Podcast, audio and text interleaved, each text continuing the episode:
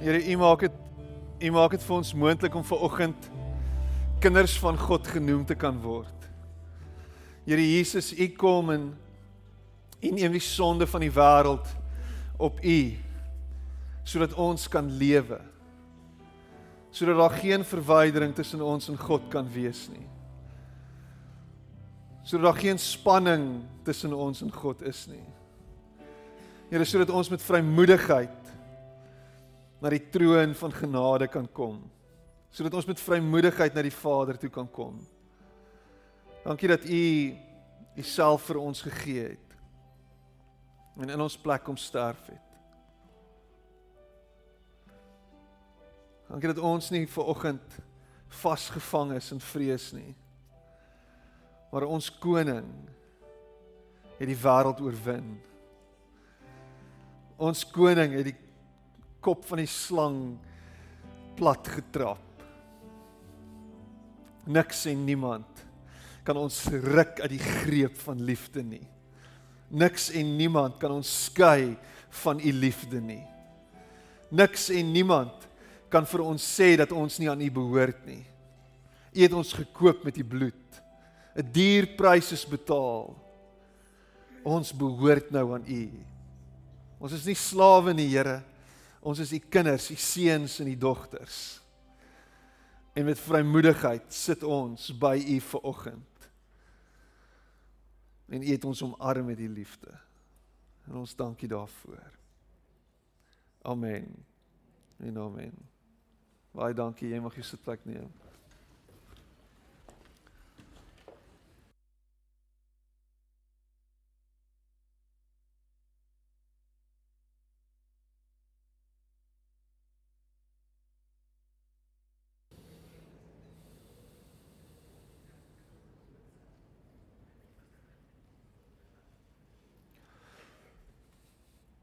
Hoe gaan dit vanoggend? Gaan dit goed? Is jy dankbaar vanoggend? Baie dankbaar. Ja, ons is dankbaar al val reën daar buite, hè? Ons is dankbaar daar's druppels water wat uit die hemel uitval om hierdie droë aarde te voed.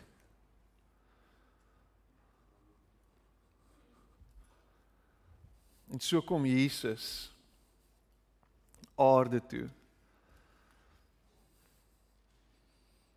En hy wys vir ons wie God is. Hy wys vir ons wie God is sodat ons kan leef. Sodat ons nie meer vasgevang is in ons in ons doodsheid nie. Sodat daar vir ons hoop is. Sodat daar vir ons rede is sodat daar vir ons sin in hierdie lewe is. Imagine Jesus het aarde toe gekom net met een doel en dit is om ons in die hemel in te kry. Imagine dit was sy enigste doel gewees. Imagine Jesus het net aarde toe gekom net om vir ons te sê julle kan hemel toe gaan.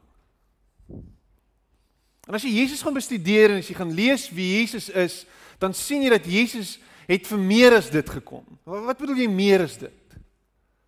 Jesus het nie net gekom om vir ons te te wys hoe om hemel toe te gaan nie.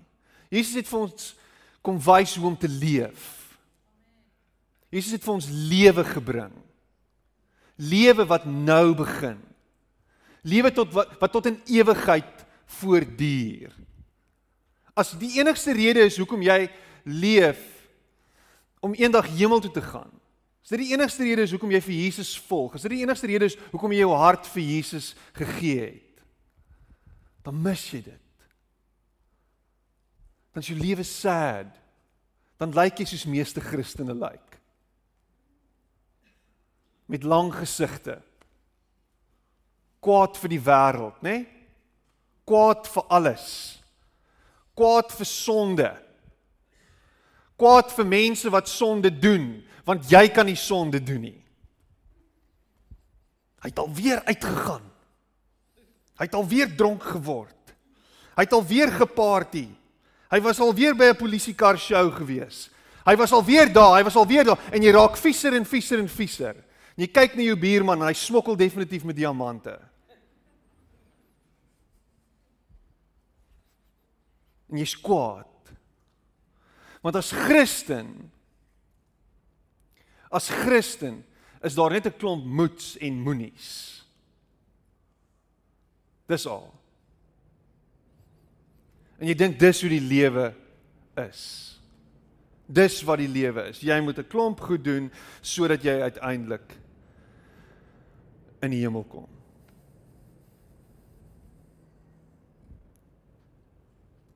Of teen 'n klomp goed wees.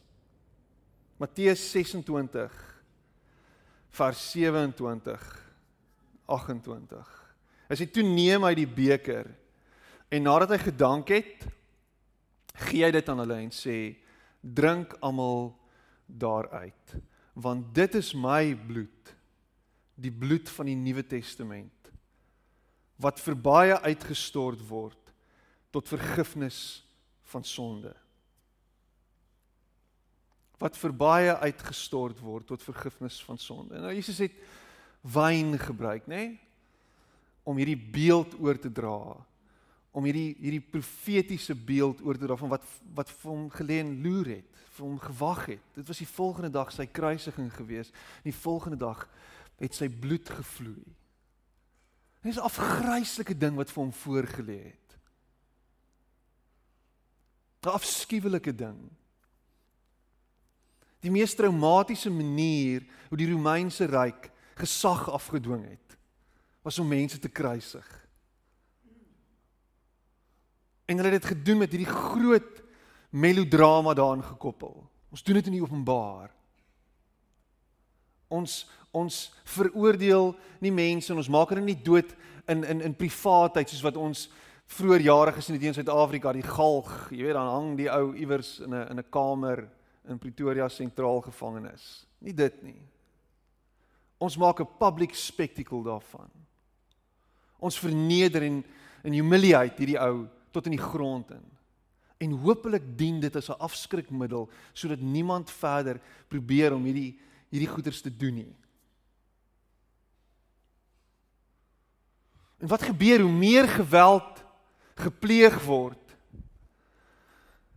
is daar altyd hierdie ding wat wat wat wat sê is hoe meer ek dit doen, hoe minder gaan die ander party doen van sy kant af. Maar hoe meer ek dit doen, hoe meer doen die ander party. Want geweld het 'n manier om net meer en meer geweld aan te wakker en aan te blaas. Geweld is nooit die antwoord nie. Dit help nie jy gebruik 'n groter hamer nie. En ons het dit gesien hier.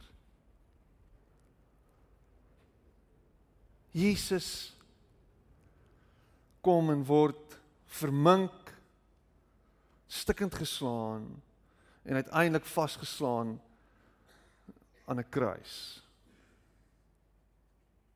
Net en ek het ek het groot geword en dan dan dan my pa altyd vertel, my pa was voormalige eh, presiderende leraar en hy het altyd gepreek op Paasfees, dan preek hy oor die afgryse van van die kruisiging. En daai en daai beeld is is is is jy sien dit.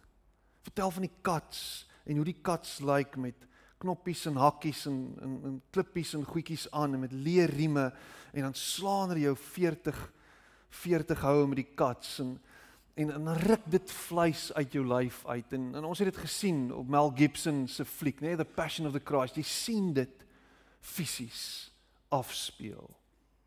Dis afgryslik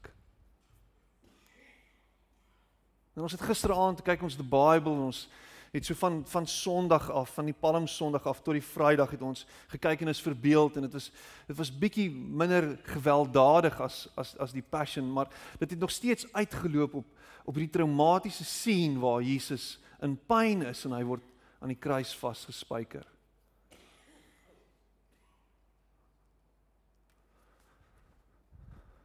En nou wonder ek baie keer of dit nou 'n motiveringsmiddel is om ons te kry om Jesus te volg. Nie wat wat nou sal gebeur is nou gaan ons emosioneel raak daaroor en hopelik kry ons jou op 'n plek waar jy jou hart dan vir die Here gee. Nou in die week weer, nou is dit in die aanloop tot tot Paasnaweek en ek het hopeloos te veel Christen vriende op Facebook. Dan post hulle fotootjies en pap, en prentjies. En onder andere een van die prentjies wat ek toe sien opkom iewers en as dit jy is wat dit gepost het, no judgment, ek beloof. Toe sê die prentjie, he died for you. Now, will you live for him met 'n vraagteken?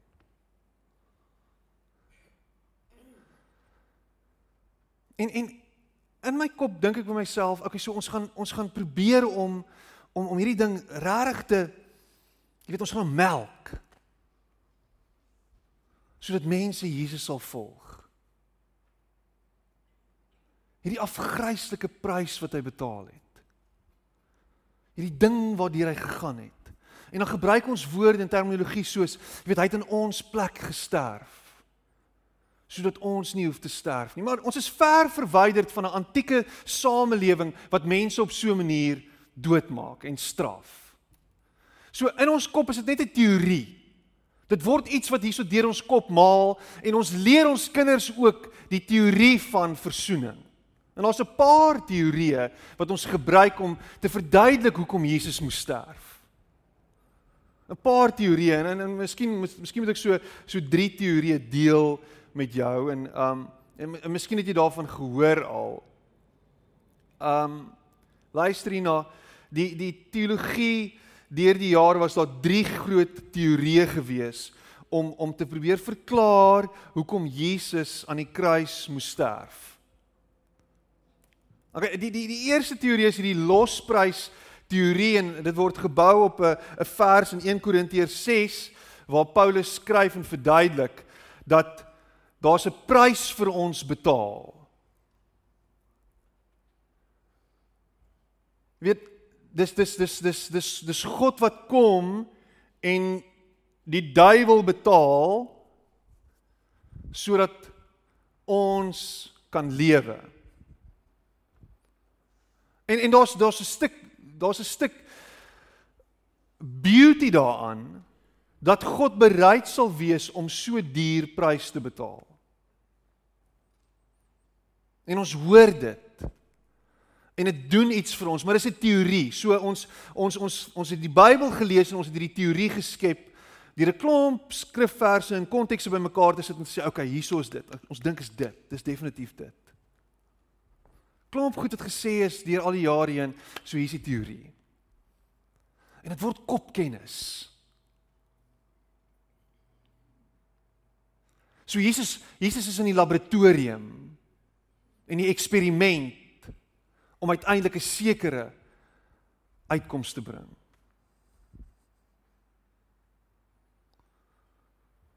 Maar met die jare het het, het hierdie teorie so half uitgevlout en party mense hang nog aan en daar's ander ouens wat sê okay nee, miskien gee ons vir die duiwel te veel mag en te veel krag en ek dink nie 'n soewereine God gaan gaan toelaat dat jy weet dat hy in 'n posisie kom waar hy die duiwel iets skuld en kom ons stap weg van dit af en ons kry iets anderster. Ehm um, Miskien is daar 'n ander teorie. En die ander teorie gaan terug na die feit dat God is 'n regverdige God wat bloedvergieting nodig het om daai gap te verklein of die gap te oorbrug.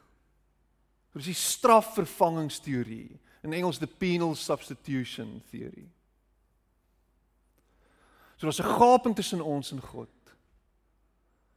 En Jesus is die brug. En jy het al daai prentjie gesien, die kruis. Daar's hierdie gap. Dit is vol van ons sonde. En ons hierdie brug wat oorgebou word. En jy het dit al teen teen vir iemand geteken of iemand het dit vir jou geteken toe jy jou hart vir die Here gegee het. God is daar en ek is hier en Jesus is die middelaar. En is so gepreek. En baie van ons het oor die kruis gestap. Die brug is gebou vir ons sodat ons by God kan uitkom. Sodat ons hemel toe kan gaan want die kans is baie groot dat die bus jou gaan doodry as jy by die deur uitstap.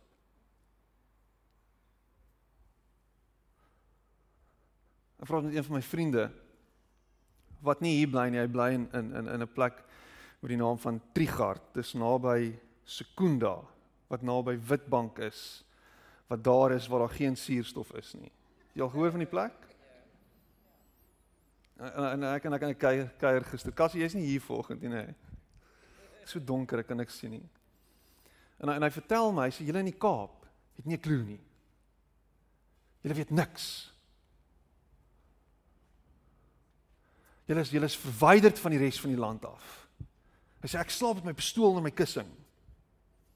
En ek het 'n nuwe sport gekry sê hy. 'n Nuwe sport. Ek sê ja, wat 'n sport doen jy? Nou as jy vir as jy vir my en Cassie langs mekaar sien, hy is ons lyk so 'n bietjie soos Lara en Nadi. Ek is lank en maar en hy's kort en fris. OK. Hy sê ek het 'n nuwe sport gekry. Ek dog nou jy het begin hardloop. ek doen nou Krav Maga. Wat 'n ongeluk is Krav Maga. Nou verduidelik hy my, toe onthou ek, dis een van die dodelikste gevegskunste wat jy ooit kan kan doen. Nee, dis die Israeliese weermag het dit ontwikkel en hy sê hierdie hierdie hierdie hierdie hierdie sport gaan nie oor om om om goedjies te doen om mense te wen nie. Hy sê dis om jou vyand te elimineer, sê hy.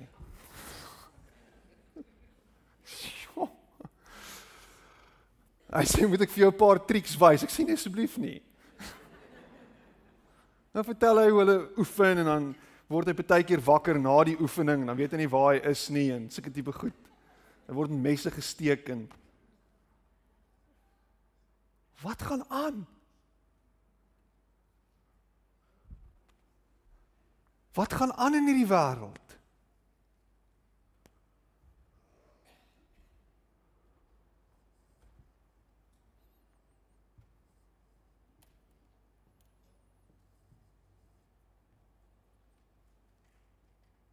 Die duiwel moet oorweldig word. Die duiwel moet oorrompel word. Die duiwel moet geneutraliseer word. Die duiwel lê in loer. Die duiwel is daarop uit om ons te kry. Die duiwel hou ons in sy greep.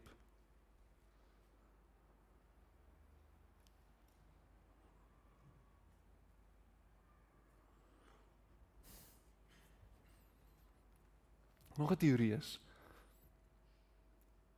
is dat God van ons vra dat ons Jesus sal nadoen. En dat ons verlossing kan bewerkstellig deur 'n klomp goed te doen wat hy vir ons sê. Dat daar 'n klomp goed is wat ons moet doen.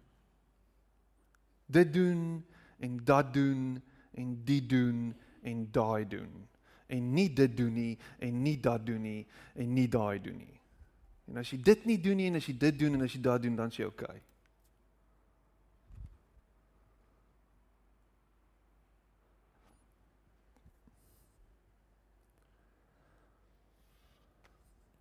En die kwessie is is dat Jesus self nie verduidelik wat die kruis beteken nie.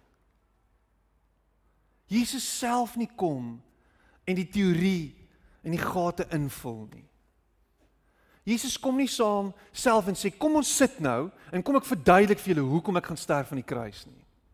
Kom ek verduidelik julle hoekom ek verneder gaan word. Kom ek verduidelik julle hoekom ek 40 houe gegee gaan word met 'n kats. Kom ek verduidelik vir jou presies wat gebeur nou.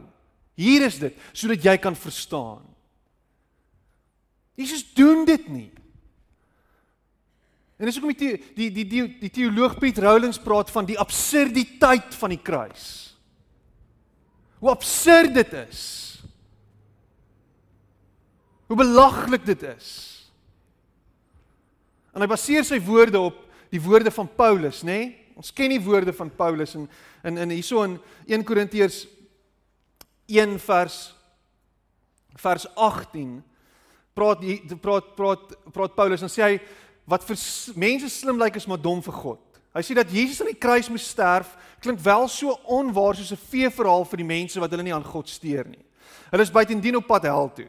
Maar ons wat God leer ken het, en nou syne is put soveel geestelike krag daaruit. God maak ons sterk deur die boodskap oor wat aan die kruis gebeur het. Daar is geskryf, God sal vir my vir almal wys hoe verkeerd selfs die slimste mense is. Wat vir hulle so slim lyk is eintlik maar baie dom. Gaan roep maar die mense wat sê hulle weet baie, gaan kry die professore. En waar is die mense met die gladde tong? Het God nie gewys dat al hierdie slimmighede wat mense kwytraak eintlik maar baie dom is wanneer dit kom by dit wat regtig belangrik is nie? Mense met al hulle slimmighede het nie die vaagste benul waaroor dit gaan wanneer dit by die dinge van God kom nie. God het in sy wysheid besluit dat dit so sal wees. Mense dink dalk dat die kruis en wat daar gebeur het nie sin maak nie. Dit is egter die manier waarop God besluit het om mense uit hulle sonde na hom toe terug te bring. Ek praat van mense wat God vertrou. Die Jode sou wonderlike bo menslike tekens verkies het. En die Grieke sou liewer wou gehad het dat alles mooi uitgeredeneer kon word. Maar ons vertel vir almal dat Jesus wat gekruisig is, die manier is waarop God dinge tussen hom en sondaars regmaak. Die Jode weier botweg om dit te aanvaar en ander mense lag daaroor asof dit sommer 'n storie of 'n feeverhaal is. Onder hierdie klomp spottende pessimiste is daar tog 'n klompie wat God se stem gehoor het en luister. Hulle ken die waarheid. As jy Christus ken, ken jy die krag wat net God kan gee en verstaan jy al God se planne. Menslike dinge kan tog nie met goddelike dinge vergelyk word nie. Om dit so te stel, die domste ding wat God volgens die wêreld kan doen, is ver slimmer as die heel slimste ding wat die slimste mense kan uitdink. Al span mense al hulle kragte saam, is dit nog nie eens 'n druppel in die emmer teenoor God se krag nie. Die die krag van die kruis, die gekruisigde Jesus is wat ons verkondig. En dit maak nie sin nie. Dit maak nie sin vir die Jode nie, dit maak nie sin vir die Grieke nie. Weet jy wat interessant? Die interessantheid is dat in die antieke gelowe wat daar bestaan, die antieke godsdienste wat daar wat daar bestaan, was dit nie vreemd om te hoor dat 'n God uit die dood uit opgestaan het nie. Was nie vir hulle vreemd gewees nie. O, okay, so het Jesus ook uit die dood uit opgestaan. Woe, big deal. Dis nogal amazing. Maar kom ek vertel jou van hierdie en hierdie en hierdie ou wat dit ook gedoen het. Net self Caesar is uit 'n maagd gebore. So niemand niemand se storie is meer so amazing nie. Die verskil en die onderskeid wat getref word tussen Christendom en die res van die gelowe, is nie die feit dat Jesus uit die dood uit opgestaan het nie. Hy het dit ook gedoen. Is die feit dat Jesus wat God is, sal sterf aan 'n kruis. Dat hy die vernedering sal verduur om te sterf aan 'n kruis. Dat hy deur daardie belaglike pyniging sal gaan en sal sterf aan 'n kruis. Dit is wat belaglik is. Dit is wat nie sin maak nie.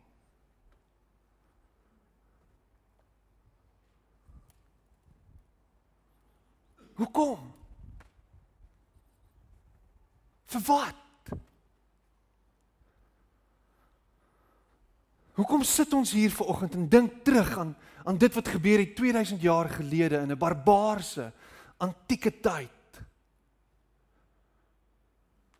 En ons kyk daarna en sê dit beteken vir my iets. Dis die misterie van die kruis. Gisteraand in die Bybel in daai in daai in daai fliek the Bible. Is daar 'n punt waar die kamera so op Caesar gaan en hy sê die volgende, hy sê don't worry. He'll be forgotten in a week's time. Don't worry. He'll be forgotten in a week's time. Dis nogal ironies. Dis nou net net meer as 'n week wat Jesus dood is.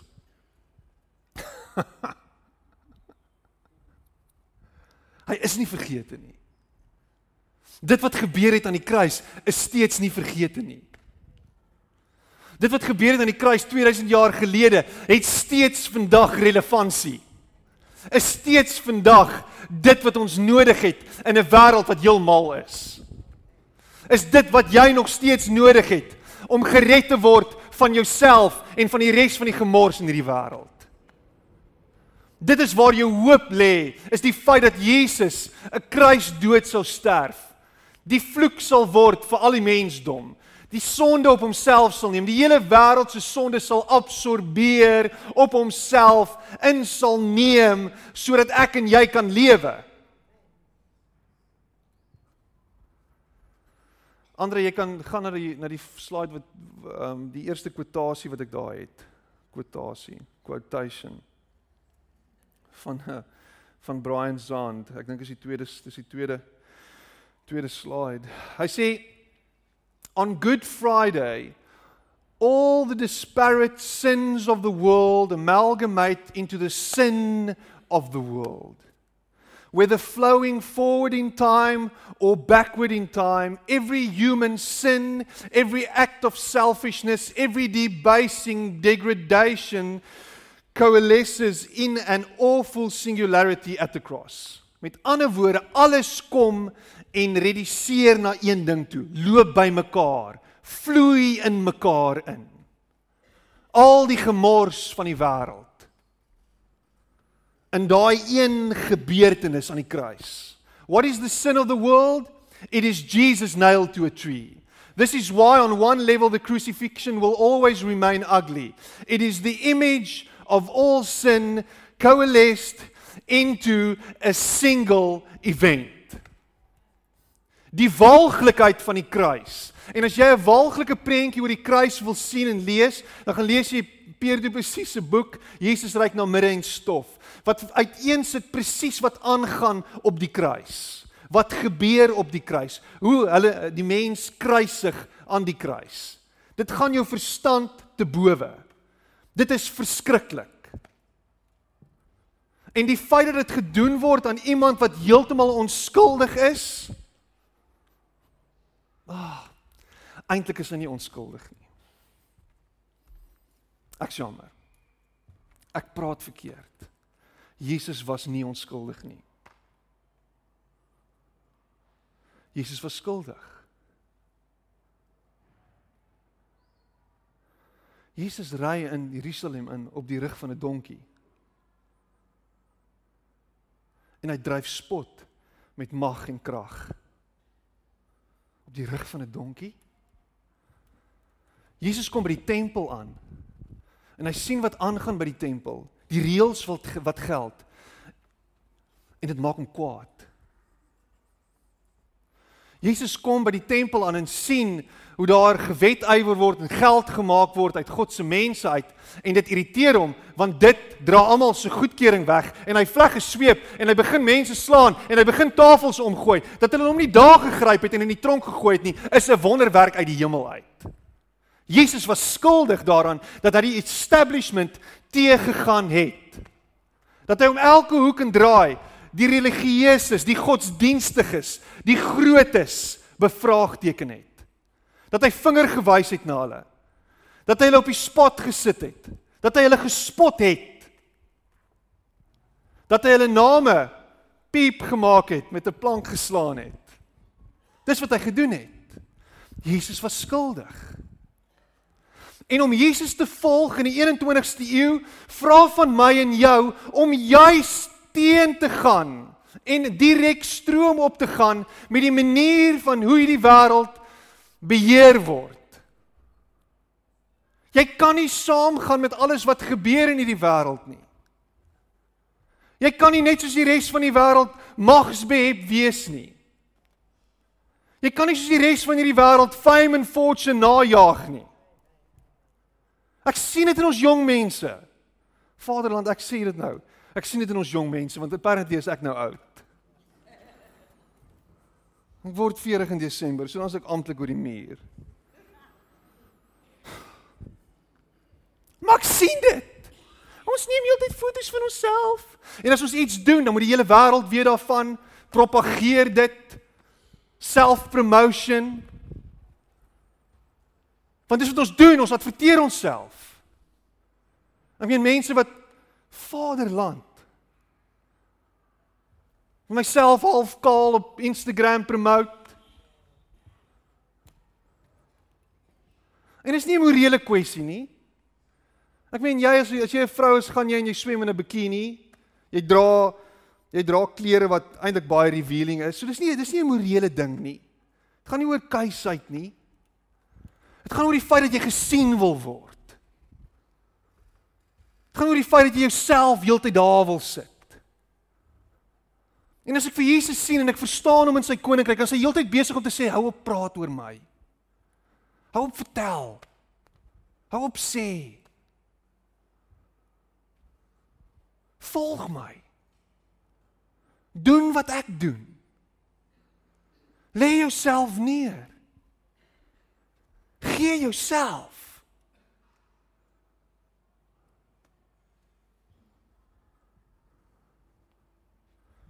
Vergewe. Spreek vry. Hou op leef in bitterheid. Vaderland, Jesus aan die kruis, net voordat hy doodgaan. Vader, vergewe hulle want hulle weet nie wat hulle doen nie. Was dit 'n vermaaning? Was dit 'n skel hulle uit? Man, vergewe jou want jy weet nie wat jy doen nie. Is dit nie?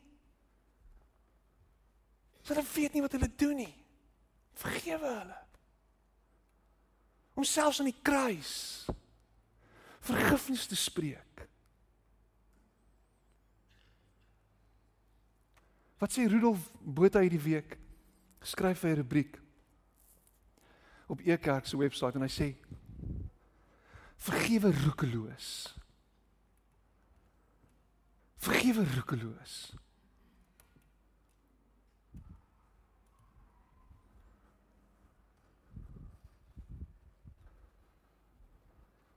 As ek dink aan hierdie week, dink ek weer aan iets.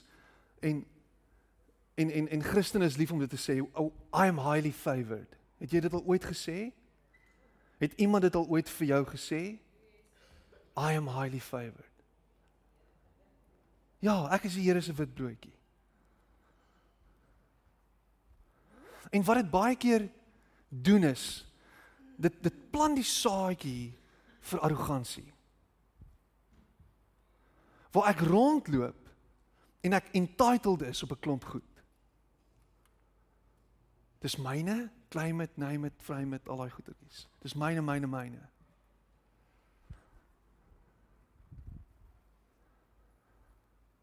Maar die probleem is jou karakter is bankrot. Jou hart is vrot. Jy lyk soos 'n fariseer. Want as jy daai stelling maak, gaan dit net oor jou.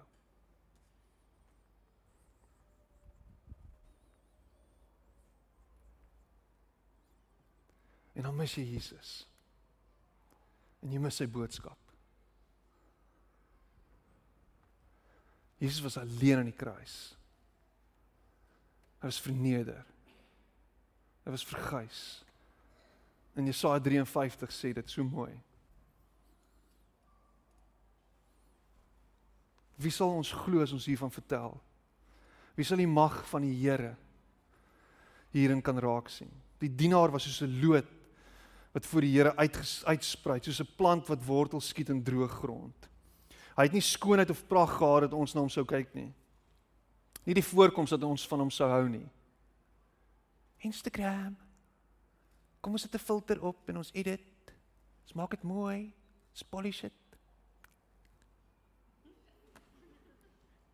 Hy was verag en deur die mense verstoot, 'n man van lyding wat pyn geken het, iemand vir wie die mense die gesig wegdraai. Hy was verag, ons het hom nie gereken nie. Tog het hy ons lyding op hom geneem, ons siektes het hy gedra, maar ons het hom beskou as een wat gestraf word, wat deur God geslaan en gepynig word. Oor ons oortredings is hy deurboor, oor ons sondes is hy verbrysel. Die straf wat vir ons vrede moes bring, was op hom. Deur sy wonde het daar vir ons genesing gekom. Ons het almal gedwaal soos skape. Ons het elkeen sy eie pad geloop, maar die Here het ons almal se sonde op hom laat afkom. Hy is mishandel, maar hy het geduldig gebly. Hy het nie gekla nie, soos 'n lam wat na die slagplek slagplek toe gelei word en soos 'n skaap wat stil is as hy geskeer word, het hy nie gekla nie. Terwyl hy gelei het en gestraf is, is hy weggeneem. En wie van sy mense het dit ter harte geneem dat hy afgesny is uit die land van die lewendes? Hy is gestraf vir die sonde van my volk. Hy het 'n graf gekry by goddeloses. Hy was vers, was by sondaars in sy dood, al het hy geen misdaad gepleeg nie en al was hy nooit vals nie. Dit was die wil van die Here om hom te verbrysel, om hom die pyn te laat ly. As hy sy lewe as skuldoffer gee, sal hy 'n nageslag hê en nog lank lewe. Deur hom sal die wil van die Here sy doel bereik. Na sy bitter lyding sal hy weer die lig sien en hy sal die Here ken. My dienaar, die regverdige, sal baie mense regverdig maak. Hy sal die straf vir hulle sonde dra. Daarom gee ek hom 'n ereplek onder die grootes. Hy sal saam met magtiges die oorwinning vier omdat hy hom in die dood oorgegee het en as misdadiger beskou is omdat hy die sondes van baie op hom geneem het en vir oortreerde oortreders gebid het. Dit is wie Jesus is. Dit is wat Jesus kom doen het.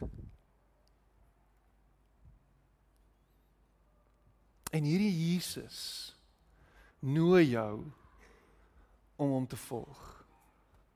Hierdie Jesus neem alles op hom en nooi jou om hom te volg.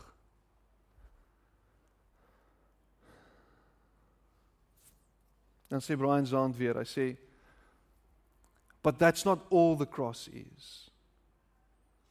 The cross is also beautiful. The cross is both the awful crescendo of human sin and the sublime apex of divine grace. The cross is beautiful because it is the place where sin, sin as a singularity, is absorbed, forgiven, and transformed into reconciliation. Lukas 23 vers 34 en dan 2 Korintiërs 5 vers 19 God was in Christ reconciling the world to himself no longer counting people's sins against them. En dit was 'n universele oomblik waar alle sonde wat gepleeg is in die verlede en alle sonde wat gepleeg is in die hede en alle sonde wat gepleeg sal word in die toekoms in hom geneem word in hom opgeneem word in hom geabsorbeer word ek en jy is nie meer die produk van ons verledes nie. Ek en jy is nie meer die produk van ons sonde nie. Ek en jy word nie meer gijslaar gehou deur dit wat ons gedoen het nie. Jy is vry. Vry, vry, vry. Jy is nie meer 'n slaaf van vrees nie. Jy is nie meer 'n slaaf en van ander mense se woorde oor jou nie. Jy is vry van dit. Jy moet dit net vat en glo en in dit stap en vorentoe stap en sê Here ek vat dit vir my.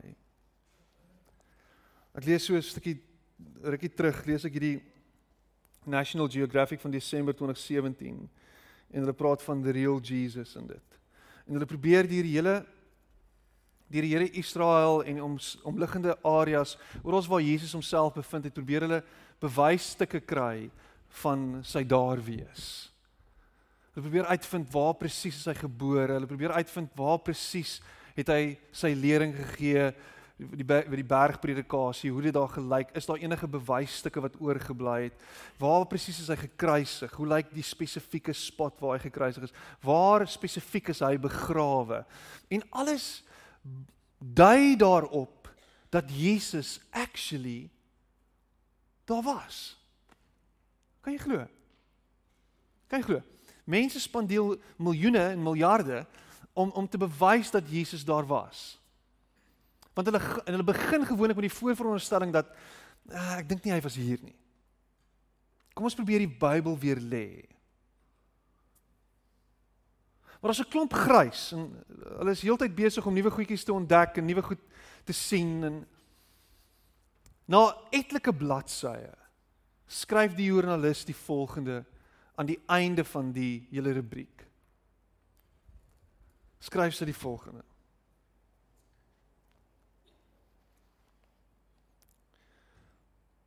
At this moment I realize that to sincere believers the scholar's quest for the historical, non supernatural Jesus is of little consequence.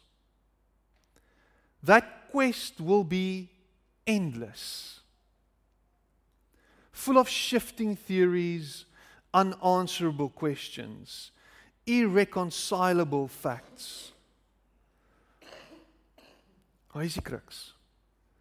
But for true believers, their faith in the life, the death, and the resurrection of the Son of God will be evidence enough.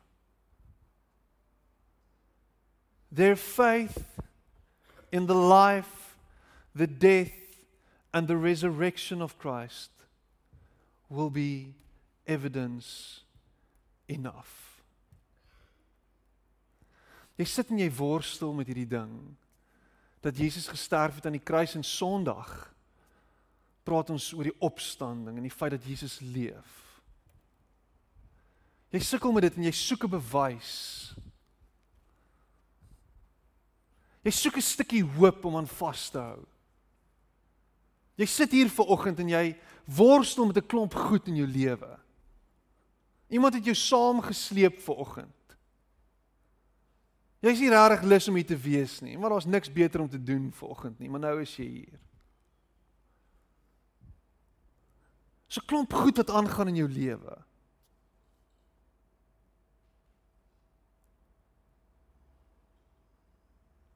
Al wat ek vir jou vra vanoggend is neem daai stap van geloof Daai stap in onsekerheid. Daai stap in twyfel. En plaas jou vertroue op die een wat gesterf het vir jou. Want alles dui daarop dat Jesus se kruisdood het plaasgevind sodat ek en jy met hoop kan lewe. Dat die dood nie die finale sê het oor my en jou nie. Dat jou sonde jou nie in die drein af gaan vat nie. Dat jou siekte en al die goed, al die skuld en al daai skuldgevoel wat daarmee saamgaan jou nie gaan verdrink nie. Dat die kruis alles geabsorbeer het. Dis waar jou hoop kan wees volgens. En as jy daardie stap van geloof neem, gaan die verreëse Jesus, die een wat opgewek is uit die dood, die een wat opgestaan het uit die dood uit, homself aan jou openbaar op 'n bonatuurlike wyse. Ek glo dit, ongetwyfeld. Jou lewe gaan nooit weer dieselfde wees nie. Daar is hoop vir jou. You are not too far gone. En dit is in Jesus vir oggend wat die uitkoms lê.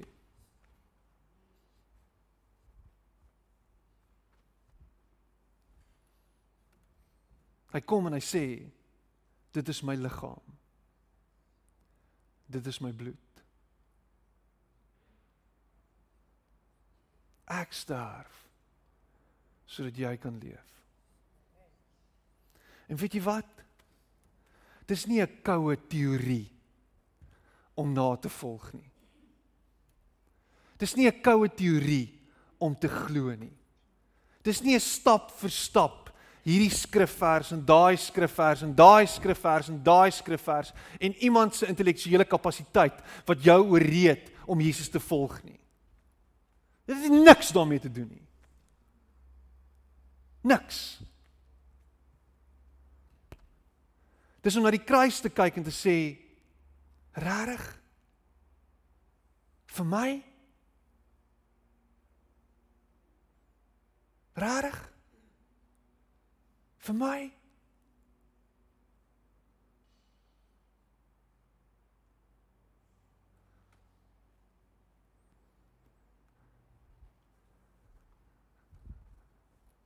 En te sê dan kniel ek by die kruis. dan volg ek U.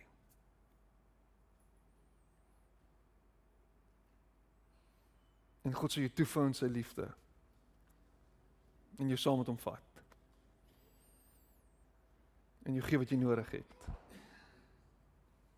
In Jesus naam. Amen. Kom ons sit net so en dan sluit ons die oë.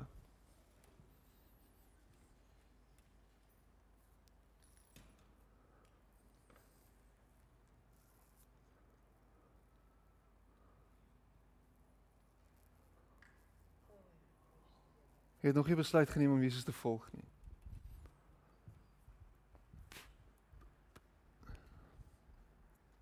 Ek wil vir jou geleentheid gee om vanoggend daardie besluit te neem te sê ek wil U volg. Ek wil U volg. Ek verstaan nie alles nie, maar ek gaan U volg. Nie net jou hand opsteek waar jy sit nie. Ek wil U volg.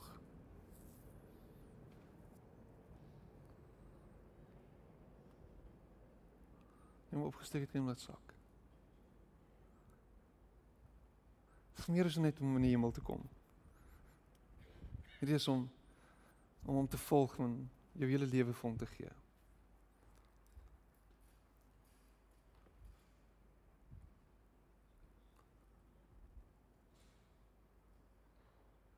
Here, dankie vir geleenthede en vir oomblikke soos hierdie.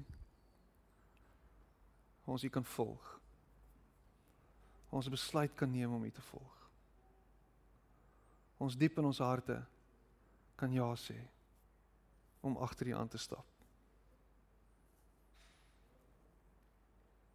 Dankie dat U gesterf het vir ons.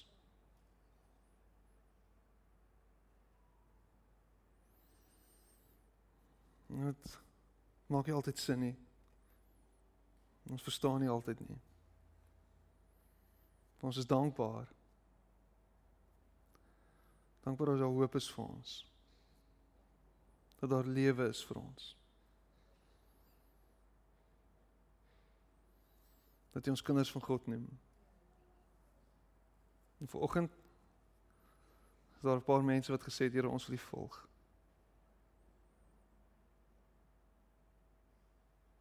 Dan kom kniel by die kruis.